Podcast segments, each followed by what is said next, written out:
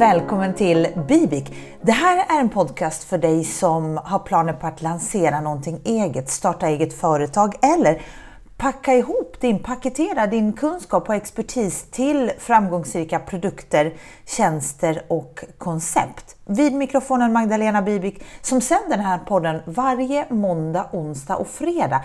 Där på måndagar och onsdagar är det, är det lite mer lifehacks och strategier och how to.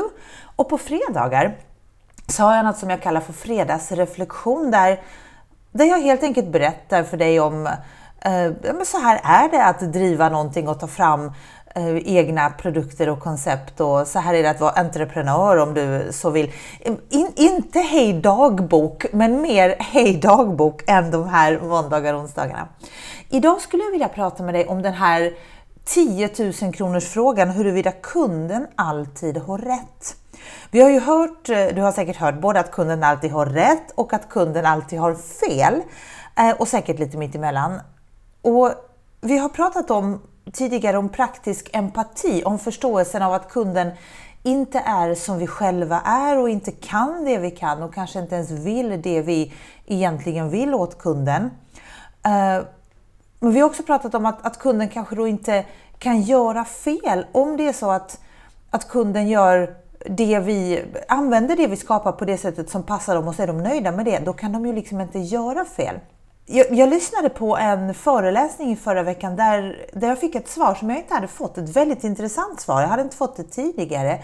Um, där föreläsaren sa, kunden har alltid rätt så fort du har utbildat kunden häromdagen så eh, skulle jag bli bjuden på crème brûlée och den här crème brûlée, eh, den här pistolen, ja du hör ju själv min nivå av förkunskap om crème brûlée-verktyg, eh, funkar inte och jag jag hade inte kunnat laga den där och då, för jag fattar liksom inte grundförutsättningarna med den. Men värden som vi var hemma hos fixade den, det blev en jättegod crème brûlée. Jag själv som kund av den här maskinen, den här pumpen, ja, anyhow.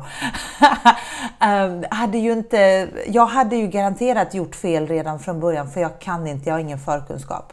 Om jag hade fått utbildning i hur man ska laga den, då hade jag kunnat försöka laga den.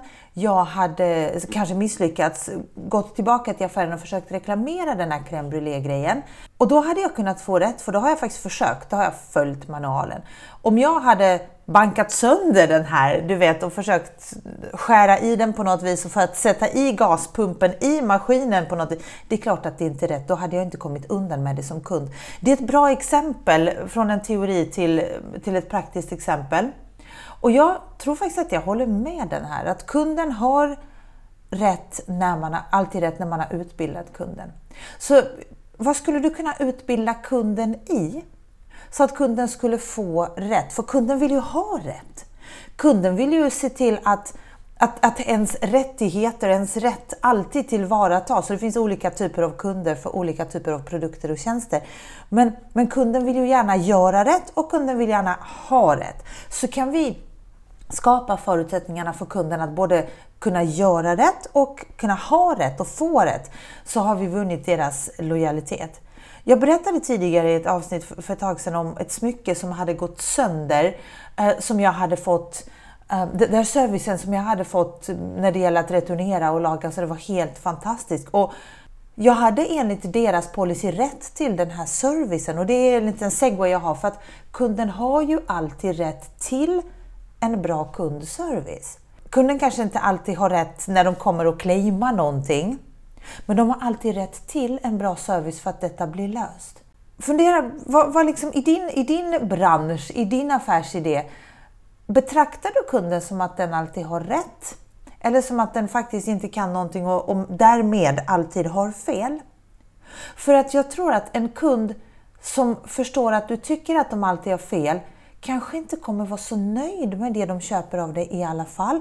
Medan en kund eh, där, du, där du tycker att de har rätt till eh, en bra service då i det här fallet eh, kommer vara nöjd även om kunden de facto inte har rätt när de kommer till dig och när någonting har hänt. Och Det lättaste sättet att, att få kunden att ha rätt och göra rätt, det är ju att vara så bjussig du kan med att att lära kunden hur man gör rätt, då får de ju rätt. Det här var ett nördigt avsnitt och jag gillar sådana här nördiga avsnitt men, men det får en att tänka lite grann. Uh, och det får en att fundera på ens egen kundservice. Men glöm inte att koppla ihop det här med den praktiska empatin. Att vi måste förstå att kunden kanske inte kan så att kunden kommer göra fel. Det är inte så att kunden är på något vis dum i huvudet, men kunden kanske inte, man vet inte det man inte vet. Så kunden kanske inte i dagsläget faktiskt kan ha rätt eller göra rätt och det måste vi förstå och då är det upp till oss att preppa kunden så att det blir rätt. Jag hoppas att vi hörs igen på onsdag och fredag och eh, alla andra kommande avsnitt och så får du ha det så bra till dess.